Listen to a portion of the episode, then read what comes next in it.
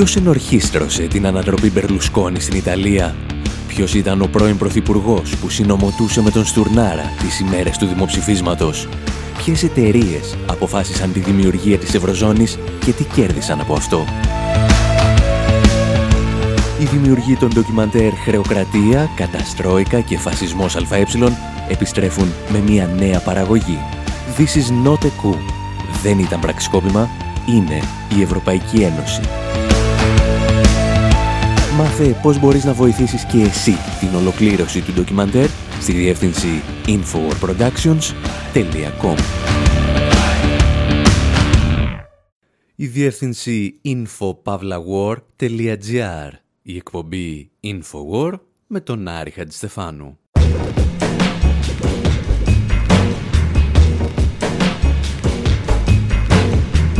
Όπου σήμερα αναρωτιόμαστε τι θα συνέβαινε εάν τη στιγμή που πραγματοποιούνταν η διπλή βομβιστική επίθεση στην Άγκυρα στη θέση του Ερντογάν βρισκόταν ο Μουσταφά και Μάλαδα Τούρκ.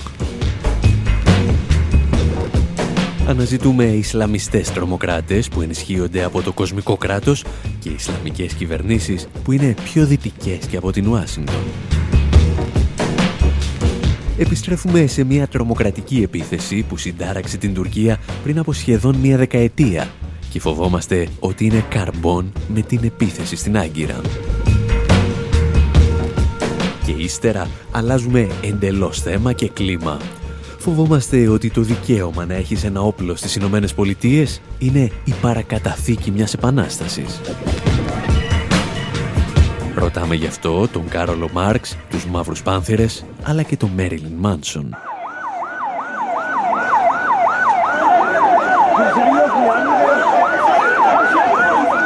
Έχουν περάσει λίγες μόλις ώρες μετά τη διπλή επίθεση αυτοκτονίας στην Άγκυρα, όταν ο επικεφαλής του φιλοκουρδικού κόμματος Χαντεπέ, Σελαχατίν Ντεμιρτάς, εξαπολύει την πρώτη επίθεσή του απέναντι στην τουρκική κυβέρνηση. Ankara Türkiye'nin başkenti.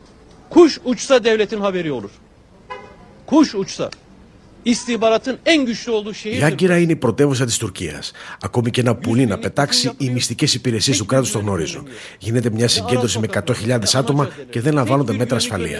Δεν υπάρχει ούτε ένα αστυνομικό στα γύρω στενά. Όταν όμω κάνουν τι δικέ του συγκεντρώσει, τα μέτρα ασφαλεία ξεκινούν σε απόσταση 10 εκατομμικών τετραγώνων. Υπό αυτή την έννοια, ήταν το κράτο που άφησε του δύο βομβιστέ να φτάσουν σε αυτή την ελληνική συγκέντρωση. Ούτε έλεγχο υπήρχε, ούτε κυβέρνηση ήταν εκεί. Κανένα.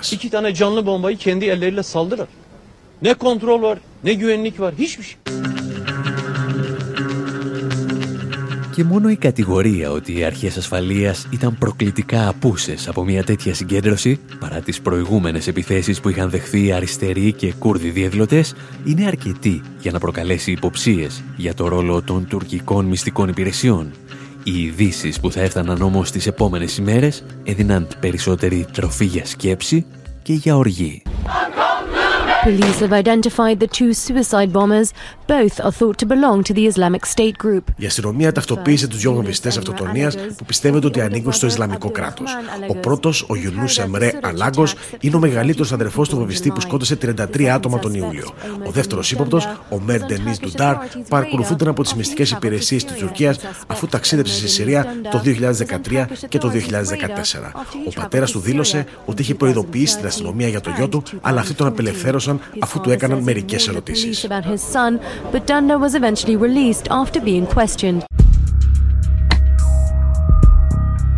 Στην Τουρκία, αν είσαι αντικαθεστωτικός δημοσιογράφος, μπορεί να περάσεις αρκετά χρόνια της ζωής σου στη φυλακή. Εάν όμως είσαι ύποπτος τρομοκρατικών ενεργειών και συνδέεσαι με τζιχαντιστές, συνήθως την γλιτώνεις με μια εξακρίβωση στοιχείων. Όσοι παρακολουθούσαν τα τελευταία χρόνια τις εξελίξεις στη Συρία γνωρίζουν ότι η Τουρκία λειτουργούσε σαν ένας μεγάλος υποστηρικτής του Ισλαμικού κράτους και άλλων οργανώσεων τζιχαντιστών. Τα έλεγε άλλωστε και ο Αμερικανός αντιπρόεδρος Τζο Μπάιντεν σε μια κρίση ειλικρίνειας για την οποία στη συνέχεια χρειάστηκε να ζητήσει συγνώμη από την Άγκυρα. Our allies in the region were our largest problem in Syria.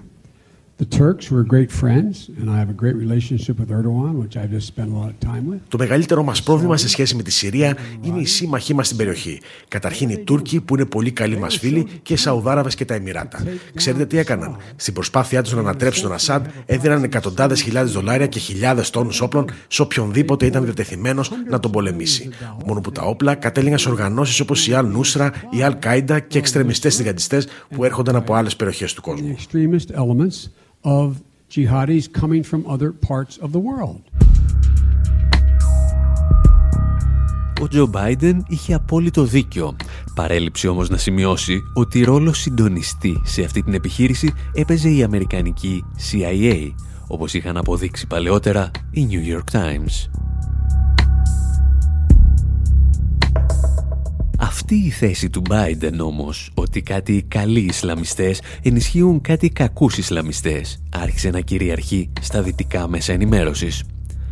Αυτό που κανένας δεν ήθελε να θυμάται είναι ότι η Τουρκία ενίσχυε το πολιτικό Ισλάμ κυρίως όταν είχε στην εξουσία ανθρώπους που κοιτούσαν προς την Δύση και όχι προς την Ανατολή.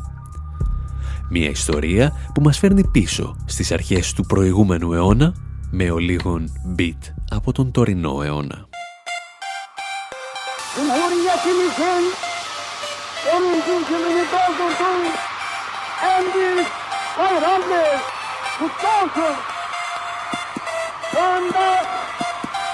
büyük Türk milletinin bir ferdi olarak hukuklu güne kavuşmanın en derin sevinci ve heyecanı içindeyim.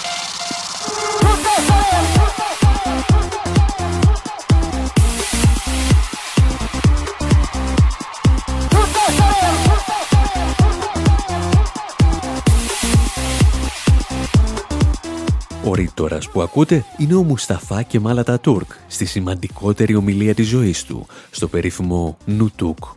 Εδώ με μουσική υποβοήθηση από τον DJ Φέστο.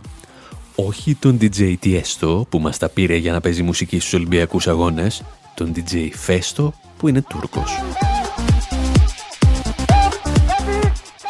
Στο Νουτούκ πάντως που μας ενδιαφέρει, ο Ατατούρκ περιγράφει τα στάδια δημιουργίας του κοσμικού κράτους της Τουρκίας από τον απελευθερωτικό αγώνα του 1919 μέχρι το 1923.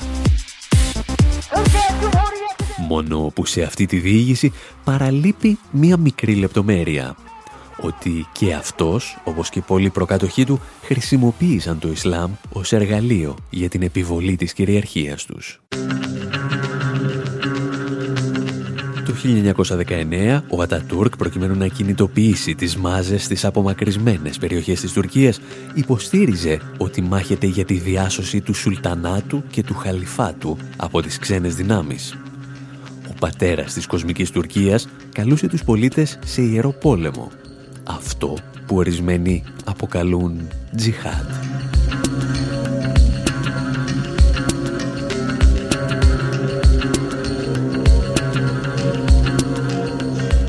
Στο δεύτερο μισό του 20ου αιώνα, αρκετοί από τους επίγονους του Ατατούρκ στην Τουρκία θα χρησιμοποιήσουν το Ισλάμ άλλοτε σαν ανάχωμα στην άνοδο της αριστεράς και άλλοτε απέναντι στον κουρδικό εθνικισμό.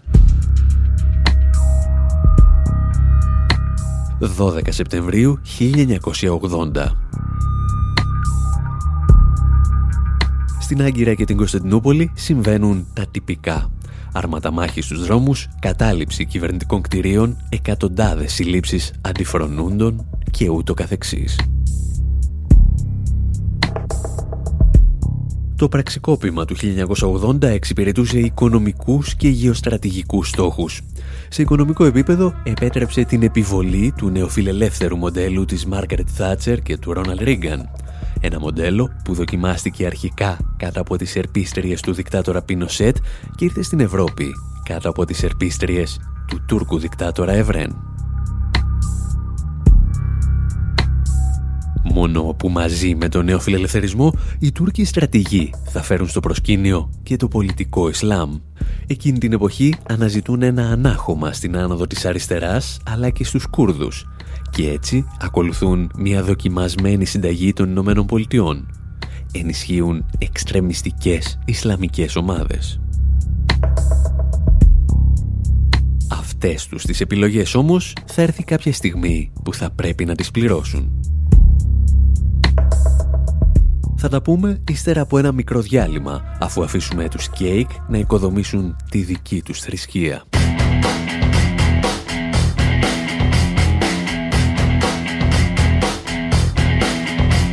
Are building a religion. We are building it bigger. We are widening the corridors and adding more lanes. We are building a religion, a limited edition. We are now accepting callers for these pendant keychains. To resist it is useless. It is useless to resist it. His cigarette is burning, but he never seems to ash. He is grooming his poodle. He is living comfort eagle. Can meet at his location, but you'd better come with cash. Now his hat is on backwards. He can show you his tattoos. He is in the music business. He is calling you dude. Now today is tomorrow, and tomorrow today, and yesterday is weaving in and out. And the fluffy white lines that the airplane leaves behind are drifting right in front of the waning of the moon. He is handling the money, he's serving the food. He knows about your party, he is calling you dude. Yeah, do you believe in the one big sign? The double wide shine on the boot heels of your prime. Doesn't matter if you're skinny, doesn't matter if you're fat. You can dress up like a sultan in your onion head hat. We are building a religion, we're making a brand. We're the only ones to turn to when your castles turn to sand. Take a bite of this apple, Mr. Corporate Events. Take a walk through the jungle of cardboard shanties and tents. Some people drink Pepsi, some people drink. Coke. The wacky morning DJ says democracy's a joke. He says, now do you believe in the one big song? He's now accepting callers who would like to sing along. He says, By fastening your safety belts and stepping towards the ledge, he is handling the money. He is serving the food. He is now accepting callers. He is calling me dude. Do you believe in the one big sign? The double wide shine on the boot heels of your prime. There's no need to ask directions if you ever lose your mind. We're behind you, we're behind you. And let us please remind you can send a car to find you if you ever lose your way. We are building a religion.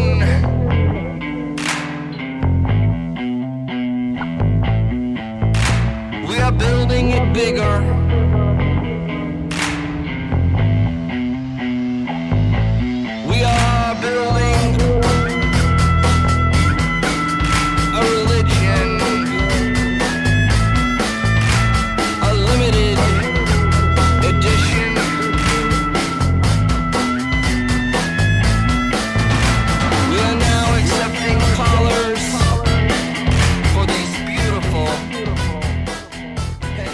Στην εκπομπή Infowar με τον Άρη Χατζηστεφάνου συζητάμε για την υπόγεια στήριξη που παρήχε το κοσμικό κράτος της Τουρκίας σε ακραίες Ισλαμικές οργανώσεις όταν ήθελε να τις χρησιμοποιήσει εναντίον εσωτερικών και εξωτερικών εχθρών.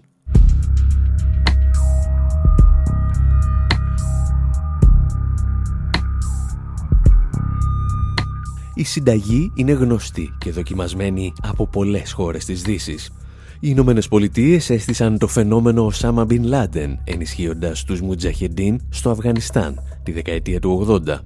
Το Ισραήλ ανέχθηκε ή ενίσχυσε τη δημιουργία της Χαμάς όταν αναζητούσε ένα ανάχωμα στην αριστερή οργάνωση Φατάχ του Γιασέρα Ραφάτ.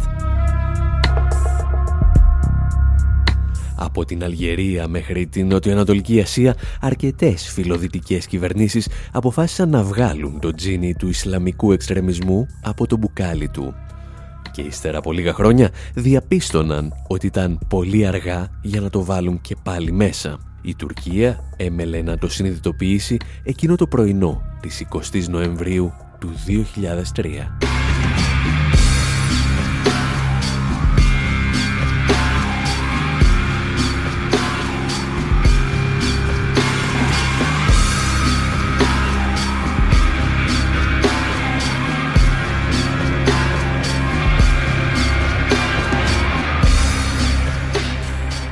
Ως ανταποκριτής του BBC στην Κωνσταντινούπολη θυμάμαι ακόμη την ισχυρή έκρηξη στο Βρετανικό προξενείο. Λίγα λεπτά αργότερα, ένας άλλος υπόκοφος κρότος μαρτυρούσε ότι μια δεύτερη έκρηξη είχε σημειωθεί σε σχετικά μικρή απόσταση από την πρώτη. Ήταν τα κεντρικά γραφεία της Βρετανικής τράπεζας HSBC. Συνολικός αριθμός θυμάτων και από τις δύο επιθέσεις 30 νεκροί και τουλάχιστον 400 τραυματίες.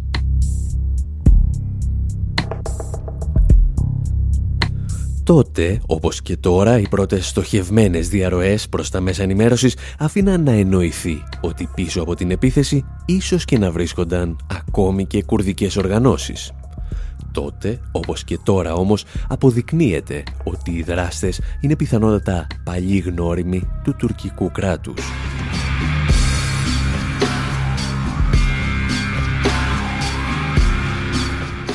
Οι στόχοι των επιθέσεων του 2003 στην Κωνσταντινούπολη και του 2015 στην Άγκυρα ήταν βέβαια εντελώς διαφορετικοί.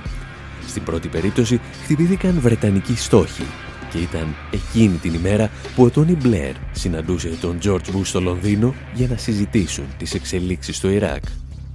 Οι Αγγλοσάξονες χρειάζονταν τότε μια δικαιολογία για να κλιμακώσουν τις αντιτρομοκρατικές τους επιχειρήσεις και συμπτωματικά την βρήκαν στην Τουρκία. Φέτος τα θύματα ήταν μέλη αριστερών και κουρδικών οργανώσεων που διαδήλωναν για τον τερματισμό των επιθέσεων στους Κούρδους.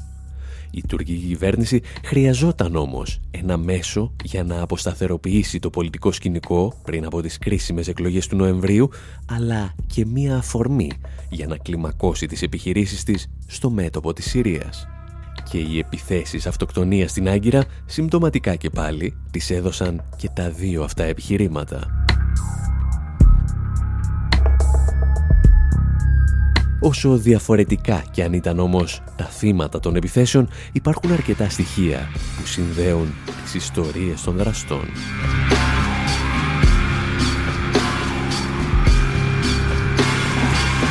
Λίγα 24 ώρα μετά τις επιθέσεις του 2003 στην Κωνσταντινούπολη, το ενδιαφέρον όλων των ξένων ανταποκριτών στράφηκε στο Μπινγκιόλ, μια μικρή πόλη 100.000 κατοίκων, περίπου 1.300 χιλιόμετρα νότιο-ανατολικά της Κωνσταντινούπολης.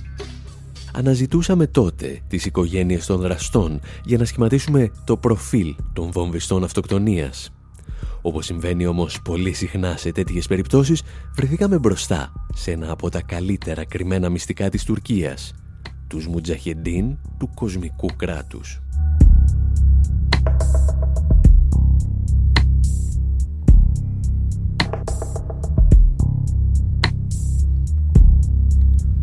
Όπως αποδείχθηκε, οι περισσότεροι από τους δράστες των επιθέσεων είχαν θητεύσει στην τουρκική οργάνωση Χεσμπολάχ, την οργάνωση φανατικών Ισλαμιστών, στην οποία το τουρκικό κράτος είχε στηρίξει τον βρώμικο πόλεμο εναντίον του ΠΚΚ. Αδιαφορώντας για το γεγονός ότι η οργάνωση είχε ιδρυθεί με στόχο την εγκαθίδρυση Ισλαμικής Δημοκρατίας στην Τουρκία, το κοσμικό κράτος συνέχιζε να την τροφοδοτεί με χρήματα και οπλισμό μέχρι τα τέλη της δεκαετίας του 90 χιλιάδες Κούρδοι μαχητές αλλά και με τριοπαθή στοιχεία του πολιτικού Ισλάμ δολοφονήθηκαν από τους εκτελεστές της τουρκικής Χεσμολά. Ακόμη και μετά τα μέσα της δεκαετίας του 90, όταν άρχισε σταδιακά να χάνει την πολιτική της χρησιμότητα για τις δυνάμεις ασφαλείας, η Χεσμολάχ συνέχισε να αναπτύσσεται. Πιστεύετε ότι μέχρι το 1999 αριθμούσε 20.000 μέλη, μεταξύ των οποίων και εκατοντάδες εκτελεστές.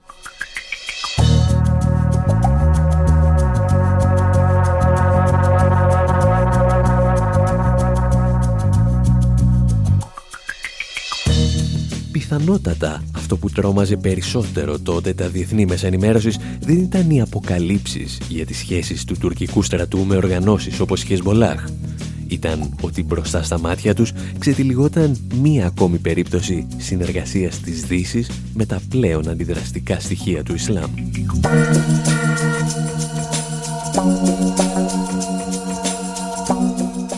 Η ιστορία έμελε να επαναληφθεί στις φετινές επιθέσεις της Άγκυρας, όχι σαν φάρσα, αλλά σαν τραγωδία.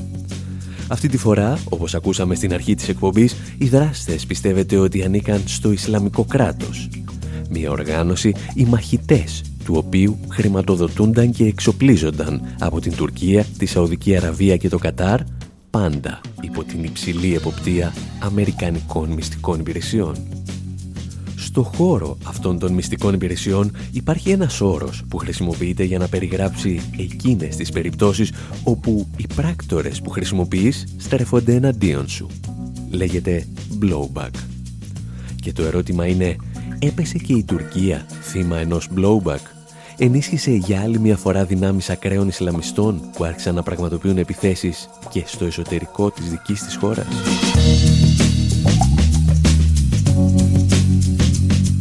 Δυστυχώς, στη συγκεκριμένη περίπτωση, η Τουρκία θα χρειαστεί να προσπαθήσει πολύ για να μας πείσει ότι σε αυτή τη μάχη βρίσκεται σε αντίπαλο στρατόπεδο από τον Άισις. Και οι δύο μάχονται τους Κούρδους μαχητές του ΠΚΚ, αυτό που κάνει δηλαδή και η Ευρωπαϊκή Ένωση και κατά διαστήματα και οι Ηνωμένες Πολιτείες. Οι δυτικές κυβερνήσεις λοιπόν θα πρέπει στο σύνολό τους να πείσουν πρώτα τους δικούς τους πολίτες ότι στη συγκεκριμένη μάχη δεν είναι στο ίδιο στρατόπεδο με τους τζιχαντιστές.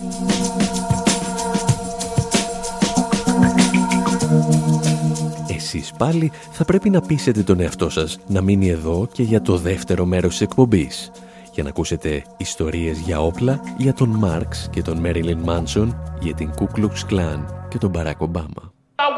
The world to know you won't beat us because we're the children of those that took the worst form of slavery and brutality that ever lived, that ever existed. Our parents survived the Middle Passage. Only the strong got here, and then we lost our name, our culture, our religion, and we're still here. So you may have a momentary yeah. victory, Mr. Bush, yeah. but you don't know who we are. Pledge no allegiance. Fuck the president's speeches. What the industry did to Pac, they did to Jesus. Raping his vocals and then destroying the message. Trying to deport us. If they can't destroy and arrest us, government front religious, but their heart is empty. Like a televangelist preaching out of his Bentley. Calling abortion murder in a medical building. But don't give a fuck about bombing Iraqi children. Talking like eunuchs in a fucking libretto. Look at their mansions and look at your suburban ghetto. The gulag, the new hood where they send us to live. Cause they don't give a fuck about none of our kids. That's why blacks and Latinos get the worst education. While devils run America like birth of a nation. Affirmative action ain't reverse discrimination. That shit is a pathetic excuse for reparations. Bin Laden didn't blow up the projects. It was you, nigga. It was you. Bush knocked down the towers. It was you, nigga. It was you, motherfucker. Bin Laden didn't blow up the projects. It was you, nigga. It was you. Bush knocked say the terrorism revolves around the Quran, but that's stupid. I show you why it's totally wrong. Cause if this country was invaded and crumbled, I'd turn Harlem into a Colombian jungle. And I wouldn't be fighting for a Christian nation. I'd be fighting for survival from extermination. I wouldn't fight for Fox News, them racist niggas. I'd be fighting for the hood, for the faceless niggas, for the immigrants America loves to despise, even though it needs them to make the economy rise. They feed us genetically modified garbage. So I repetitively reload the cartridge. Boston, New York, down to Atlanta. Guerrilla war in the swamps of Louisiana. Camera panoramas and hammers couldn't rock me coast to west coast, you can't stop me. And fuck Schwarzenegger, his pops was a Nazi, and it runs in the family. So run for the Grammys, run to the Coon picnic, and try to pick up a mammy. But half of y'all are faggots trying to pick up a tranny. Eddie Murphy ass motherfuckers going commercial. Even Interscope is getting pimped by Universal. Green Tutankhamun lantern, a curse you and murk you. But the Bin Laden slush fund remix just burnt you. Bin Laden didn't blow up the projects. It was you, nigga. It was you. Bush knocked down the towers. It was you, nigga. It was you, motherfucker. Bin Laden didn't blow up the projects. It was you, nigga. It was you. Bush knocked down the towers.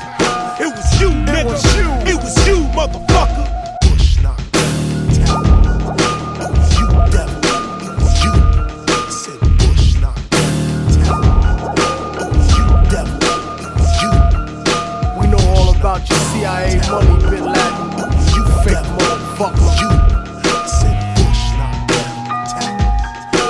You devil, you. Immortal technique. KRS1, Chuck D, Green Lantern on the track.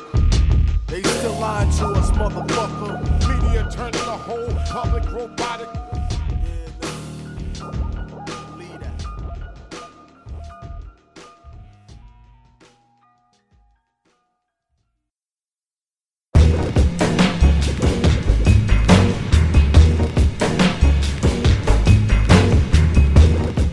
Εκπομπή Infowar με τον Άρη Χατζηστεφάνου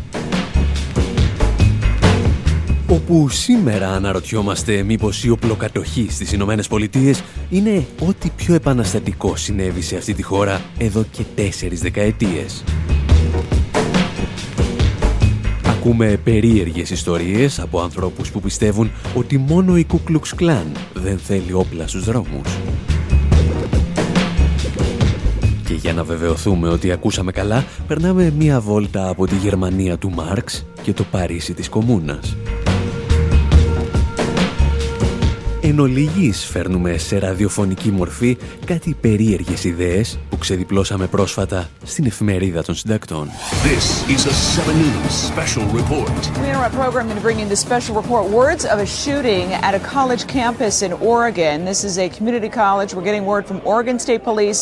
10 dead, 20 injured. This is south of Eugene, an area called Ίσως για εκατοστή φορά τα τελευταία χρόνια τα αμερικανικά δίκτυα διακόπτουν το πρόγραμμά τους για να μεταδώσουν μία ακόμη ανθρωποσφαγή σε κάποιο αμερικανικό σχολείο. Αυτή τη φορά ο δράστης σκότωσε 9 άτομα και τον εαυτό του. Τα μέσα ενημέρωσης, αφού διαπίστωσαν ότι δεν είναι μουσουλμάνος, οπότε η Αμερική θα μπορούσε να καταλάβει κανένα δύο χώρες στη Μέση Ανατολή από τη θλίψη της, ξεκίνησαν τη γνωστή συζήτηση. Η Αμερική χωρίστηκε και πάλι στους συντηρητικούς που ζητούν διατήρηση του δικαιώματος οπλοκατοχής και τους προοδευτικούς που ζητούν την κατάργησή του. Εκεί τους προοδευτικούς τους λένε και φιλελεύθερους και δεν έχουν καμία σχέση με τους βαθιά αντιδραστικούς φιλελεύθερους που γνωρίζουμε στην Ευρώπη. Οι κουβέντες τους όμως ήταν τόσο χιλιοϊπωμένες ώστε βαρέθηκε ακόμη και ο Ομπάμα. There's been another mass shooting in America. This time in a community college in Oregon. Σημειώθηκε άλλο ένα περιστατικό μαζικών πυροβολισμών, αυτή τη φορά σε ένα κολέγιο στο Όρεγκον. Κατά μία έννοια έχει γίνει ρουτίνα. Η δημοσιογραφική κάλυψη της είδησης έγινε ρουτίνα. Η απάντησή μου από αυτό το βήμα έγινε ρουτίνα. Ακόμα και οι συζητήσεις που ακολουθούν έγιναν ρουτίνα. Αποκτήσαμε ανοσία σε αυτό που συμβαίνει. We've become numb to this. Στην πραγματικότητα, η συζήτηση δεν αποτελεί σε καμία περίπτωση ρουτίνα. Αυτό που ξεχνούν να σημειώσουν όσοι ασχολούνται με το θέμα είναι ότι πριν από λίγες μόνο δεκαετίες ήταν τα πιο προοδευτικά στοιχεία της αμερικανικής κοινωνίας που ζητούσαν συνέχιση της οπλοκατοχής. Αντίθετα, δεξιοί και ακροδεξιοί ήθελαν την κατάργησή της. Και αυτό συνέβαινε σε πολλές ακόμη κοινωνίες, μεταξύ των οποίων η ελληνική και η κυπριακή. Για να σας το εξηγήσουμε καλύτερα, θα μας ακολουθήσετε μερικούς αιώνες πίσω.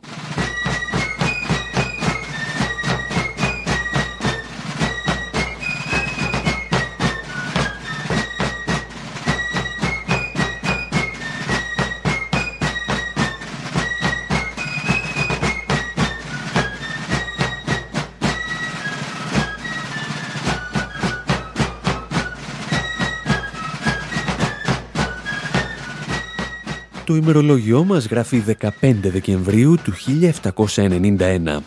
Είναι η μέρα που περνά η λεγόμενη δεύτερη τροποποίηση του Αμερικανικού Συντάγματος, η οποία μεταξύ άλλων δίνει το δικαίωμα στους πολίτες να οπλοφορούν. Για την ακρίβεια εξηγεί ότι οι οπλισμένοι πολίτες που σχηματίζουν καλά οργανωμένες πολιτοφυλακές αποτελούν εγγύηση για την ασφάλεια ενός ελεύθερου κράτους. Η οπλοφορία, σύμφωνα με τον νομοθέτη, είναι υποχρεωτική, ώστε οι πολίτες να μπορούν να επιτελούν το ανώτατο καθήκον τους, να μάχονται την καταπίεση. Και αν σας θυμίζει κάτι από το ακροτελεύτιο άρθρο του ελληνικού συντάγματος, καλά κάνει και σας το θυμίζει. Για την ακρίβεια, η ρύθμιση περί οπλοκατοχής ήταν η τελευταία σημαντική παραχώρηση που έκανε η νεαρή τότε αστική τάξη των ΗΠΑ στους επαναστατημένους πολίτες. Ήταν ένα μικρό δώρο με το οποίο επιχειρούνταν να καμφθούν οι αντιδράσεις για λιγότερο δημοκρατικά άρθρα του συντάγματος. Ένας από τους ανθρώπους που καταλάβαιναν πολύ καλά την επαναστατικότητα αυτής της πράξης ήταν και ο Κάρολος Μάρξ. Μαγεμένος και από το πνεύμα της Παρισινής Κομμούνας έλεγε κάποτε κουβέντες σαν και αυτές για το δικαίωμα οπλοκατοχής. Οι πολίτες δεν πρέπει με καμία δικαιολογία να παραδίδουν τα όπλα και τα πυρομαχικά τους. Κάθε προσπάθεια να αφοπλιστούν οι εργάτες πρέπει να αντιμετωπίζεται άμεσα, αν χρειαστεί ακόμη και με τη βία. Και αν αυτά σας ακούγονται ελαφρώς μακρινά αφού μας έρχονται από τον 18ο και τον 19ο αιώνα, θα μας επιτρέψετε να φέρουμε τη συζήτηση και στον 20ο αιώνα. Στο κλίμα θα μας βάλει αυτή τη φορά ο Αμερικανός ράπερ Rick Ross.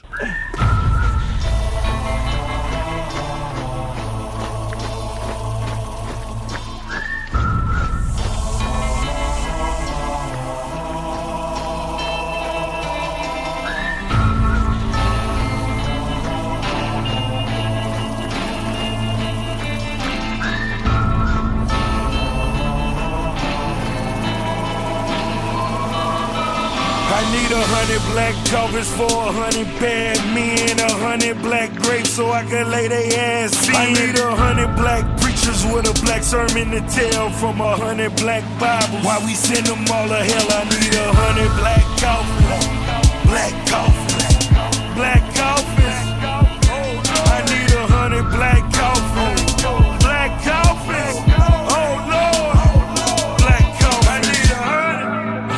seen a hundred niggas die. I put that on my life. Lord, I wouldn't tell a lie unless it had to do with mine. In the middle of the night, killers coming for your life. All he wanna do is shine. I broke off the chains, only the realest remain. See you praying to Jesus, but will that help ease the pain? Seen a brother get slain for a jar full of change. Yet I post on the block, look like I'm Big Daddy Kane. Is you a cat or a mouse? Keep them rats out the house. Lot of scars on my back, nigga. Tattoos all around. Hundred dead bitches, hundred black coffins. Money on his head, bitch. I'm trying to make a fortune. I need a hundred black coffins for a hundred bad men, a hundred black grapes so I can lay they ass in. I need a hundred black preachers with a black sermon to tell from a hundred black Bibles. Why we send them all to hell? I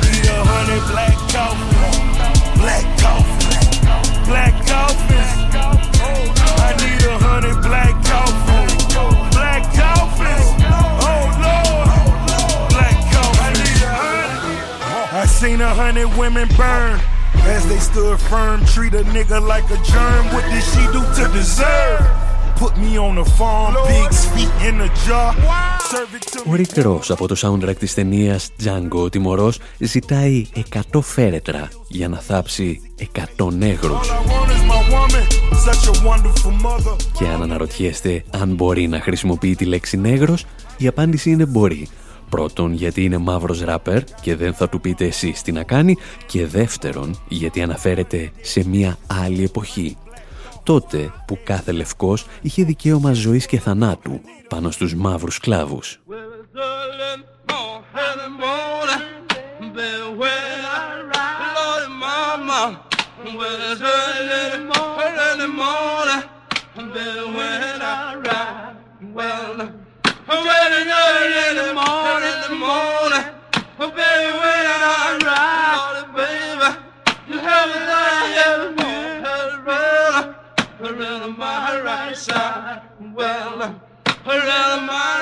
Αυτή τη φορά έχουμε επιστρέψει στην Αμερική του 1865, στην πολιτεία του Τενεσί.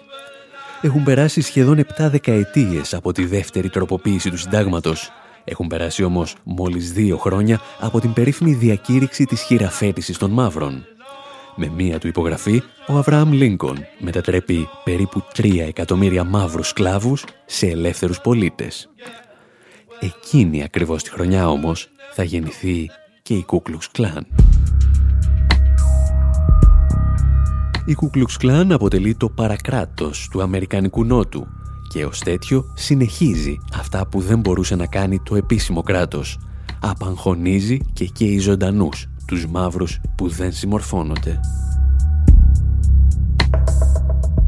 Και το επίσημο Αμερικανικό κράτος για να δείξει την εκτίμησή του στο παρακράτος παρουσιάζει και τιμά την ρατσιστική ταινία «Η γέννηση ενός έθνους». Μας τα εξηγούσαν παλαιότερα σε ένα ντοκιμαντέρ to History Channel. The Birth of a Nation was released in the South. D.W. Griffith's film played to sold out theaters. Η ταινία «Η γέννηση ενός έθνους» του Γκρίφιθ προβαλόταν στι κατάμεστες κινηματογραφικές έντοσει του Νότου. Από τεχνικής απόψη ήταν μια εξαιρετική δουλειά. Από ιστορικής απόψη όμως δεν ήταν. Στην ταινία, η Κουκλουξ Κλάν παρουσιάζεται σαν μια ηρωική δύναμη που σώζει λευκές γυναίκες από μαύρους που επιχειρούν να τις βιάσουν. Οι μαύροι που μόλις έχουν απελευθερωθεί από τη δουλεία εμφανίζονται σαν ζώα, σαν κτίνη. Η οργάνωση λοιπόν εμφανίζεται ηθικά εξαγνισμένη. Despite its historical inaccuracies, The film gained legitimacy after President Woodrow Wilson screened the epic in the White Παρά τις ιστορικές ανακρίβειες, η ταινία απέκτησε κύριο όταν ο πρόεδρος Wilson αποφάσισε να την προβάλλει μέσα στο Λευκό Οίκο. Είναι σαν να γράφει την ιστορία με κεραυνούς, είπε ο Αμερικανός πρόεδρος και συμπλήρωσε. Λυπάμαι που αυτή η ιστορία είναι τόσο αληθινή. Is that it is also terribly true. Καθώς η Ku Klux Klan αναπτύσσεται με την ανοχή και του Αμερικανικού κράτους, κάνει και μία κίνηση που σήμερα θα ξάφνιαζε την προοδευτική Αμερική. Μετατρέπεται στην πρώτη οργάνωση που ζητά συντεταγμένα την κατάργηση του γενικού δικαιώματος οπλοφορίας του πληθυσμού. Τα εξηγούσε ο David Koppel, συγγραφέας του βιβλίου «Η αλήθεια για τον έλεγχο των όπλων». In areas where the Ku Klux Klan took control, almost universally, Στις περιοχές που πέρασαν υπό τον έλεγχο της Ku Klux Klan, το πρώτο μέτρο που λάμβαναν ήταν να αφοπλίσουν τους μαύρους, αφήνοντά τους απροστάτευτους. Η Ku Klux Klan ήταν η πρώτη ομάδα για την απαγόρευση της οπλοφορίας, αλλά και η πρώτη τρομοκρατική οργάνωση που δούσε στο εσωτερικό των Ηνωμένων Πολιτειών. Τελικά, οι ρατσιστικοί νόμοι των Νότων Πολιτειών ήταν αυτοί που έθεσαν τις βάσεις για τον έλεγχο της οπλοφορίας.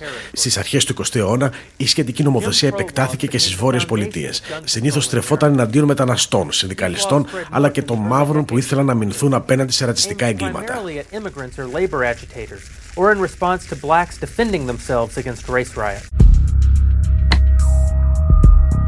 Ο Ντέιβιτ Κόπελ που ακούμε είναι ένας ακραία νεοφιλελεύθερος καθηγητής νομικής, τον οποίο αν συναντήσετε στο δρόμο σας, καλό είναι να αλλάξετε πεζοδρόμιο. Στη συγκεκριμένη περίπτωση όμως, κάνει μια πολύ σημαντική παρατήρηση. Το δικαίωμα οπλοκατοχής, λέει, δεν έπρεπε να αφαιρεθεί μόνο από τους μαύρους, αλλά και από τους μετανάστες και τους συνδικαλιστές. Όλους δηλαδή, όσοι αμφισβητούσαν με τον ένα ή τον άλλο τρόπο το οικονομικό status quo των Ηνωμένων Πολιτειών. Γεγονός που μας φέρνει στην τελευταία ιστορία μας για το δικαίωμα οπλοκατοχής. Θα παρεμβληθεί μόνο ο Μέριλιν Μάνσον, που θέλει να σας πει δύο κουβέντες για την Ku Klux Klan διασκευάζοντας τους Ραμόνς.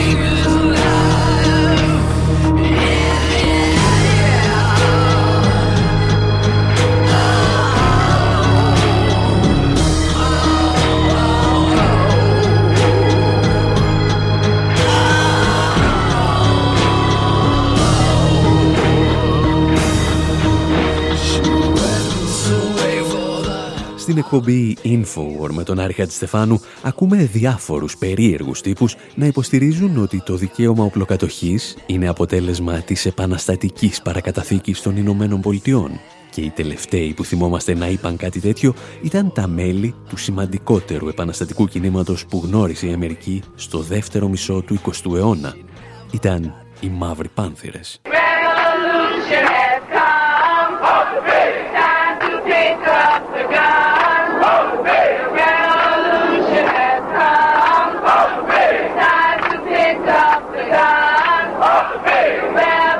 Ένα από τα κλασικά συνθήματα που τραγουδούσαν οι μαύροι πάνθυρες στις συγκεντρώσεις τους έλεγε «Ήρθε η Επανάσταση, διώξτε τα γουρούνια, ήρθε ο καιρός να πάρεις το όπλο σου». Και οι μαύροι πάνθυρες ήταν κάθε λέξη από το συγκεκριμένο σύνθημα. Τα εξηγούσαν άλλωστε και στο επίσημο πρόγραμμά τους. Για εμάς πρόκειται για την πάλη των τάξεων ανάμεσα στο προλεταριάτο και τη μικρή μειοψηφία της άρχουσας τάξης. Τα μέλη της εργατικής τάξης, ανεξαρτήτως χρώματος, πρέπει να ενωθούν εναντίον της μπουρζουαζίας που τους καταπιέζει και τους εκμεταλλεύεται. Πιστεύουμε μόνο στον πόλεμο των τάξεων και όχι στον πόλεμο των χρωμάτων. Οι Μαύροι Πάνθυρες συνειδητοποιούν από πολύ νωρίς κάτι που μεγάλα τμήματα της Ευρωπαϊκής Αριστεράς αρνούνται να καταλάβουν ακόμη και σήμερα. Ότι η βάση του ρατσισμού είναι ταξική. Πως όσο αντιρατσιστής και αν δηλώνεις και όσα θύματα ρατσισμού και αν βοηθήσεις, εάν την ίδια στιγμή ψηφίζεις μέτρα που παραβιάζουν την οικονομική δικαιοσύνη, δεν είσαι μέρος της λύσης. Είσαι μέρος του προβλήματος.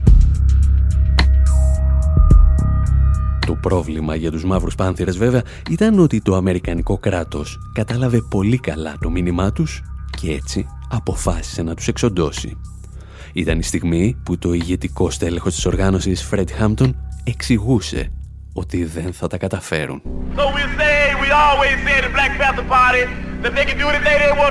Σας λέω αυτό που λέμε πάντα στα γραφεία του κόμματός μας. Μπορούν να μας κάνουν ό,τι θέλουν. Μπορεί να μην επιστρέψουμε. Εγώ μπορεί να μην επιστρέψω. Να είμαι στη φυλακή ή οπουδήποτε αλλού. Αλλά όταν φύγω θα με θυμάστε με τις τελευταίες μου λέξεις. Είμαι ένας επαναστάτης.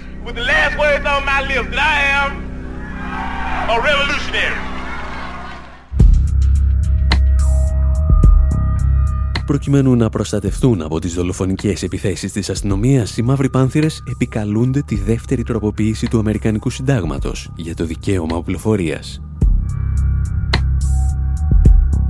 Και αν αναρωτιέστε ποιοι ήταν οι πρώτοι που τους αρνήθηκαν αυτό το δικαίωμα, η απάντηση είναι η περίφημη NRA, η Εθνική Ένωση Όπλων, η Ένωση που σήμερα λειτουργεί σαν λόμπι των κατασκευαστών όπλων και ζητά να μην καταργηθεί το δικαίωμα οπλοκατοχής.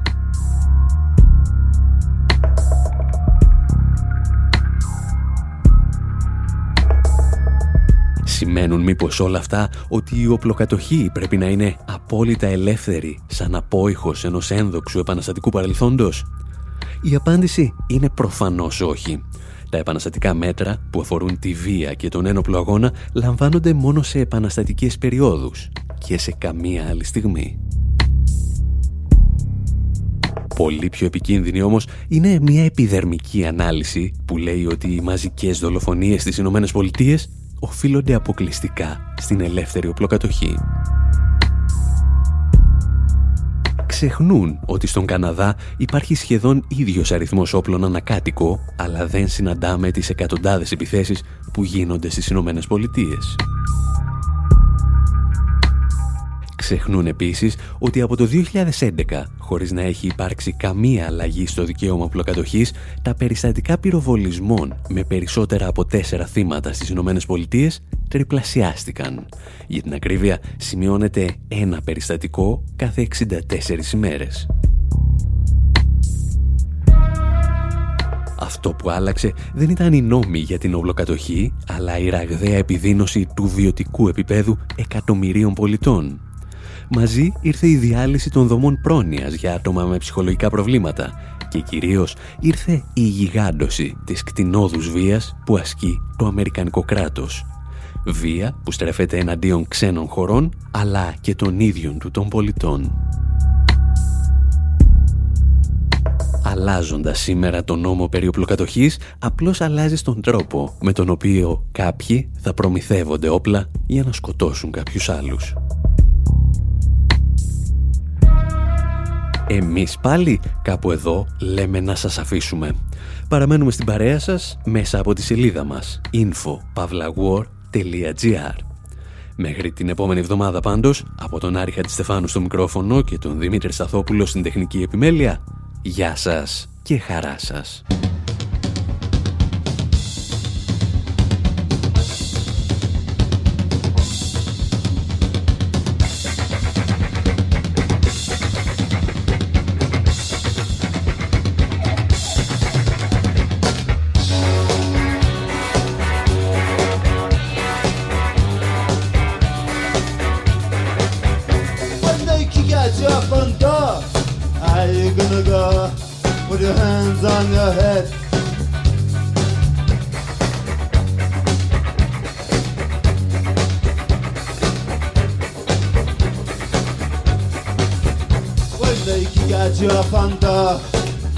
gonna go Put your hands on your head and the trigger of your gun.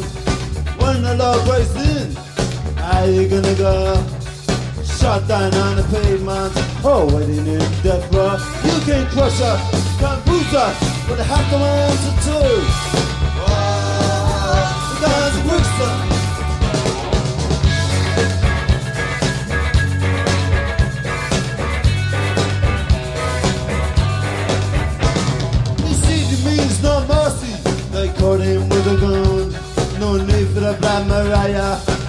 to the Brixton soon. You can't crush us, not boot us, but I have to answer too. Wow, the guns of Brixton. You can't crush us, not boot us, and even shoot us, but why? the guns of Brixton.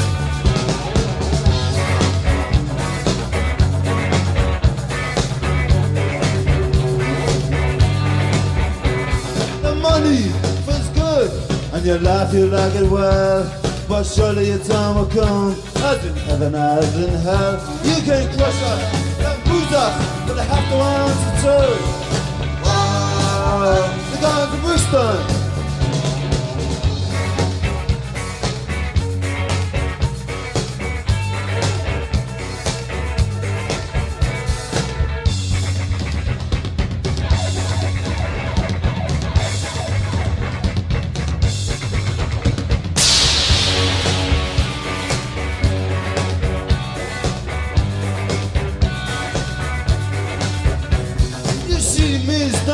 Bristol. They caught him with a gun. No need for the Black Mariah. Goodbye to the Brixton Sun. You can't crush us, can't bruise us, but they have to answer too. Wow, the guns of Brixton. You can't crush us, can't bruise us, huh? and even shoot us. But wow, the guns of Brixton.